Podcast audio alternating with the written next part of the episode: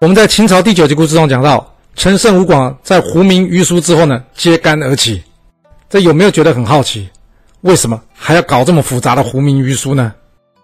你只要看看呢，很多品牌都在找代言人这件事就可以知道啊。很多时候，大家并不在乎这些东西的本质，而是在乎代言他的人象征的意义啊。这明星用的好，可能我用了就好，就像是老天已经选择的是他，所以呢，我们就要跟着他一样。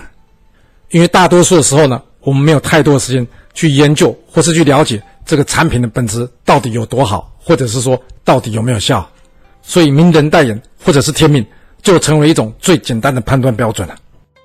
是的，历史刻画着人性，了解历史，或许我们就可以用不同的角度来判断事情。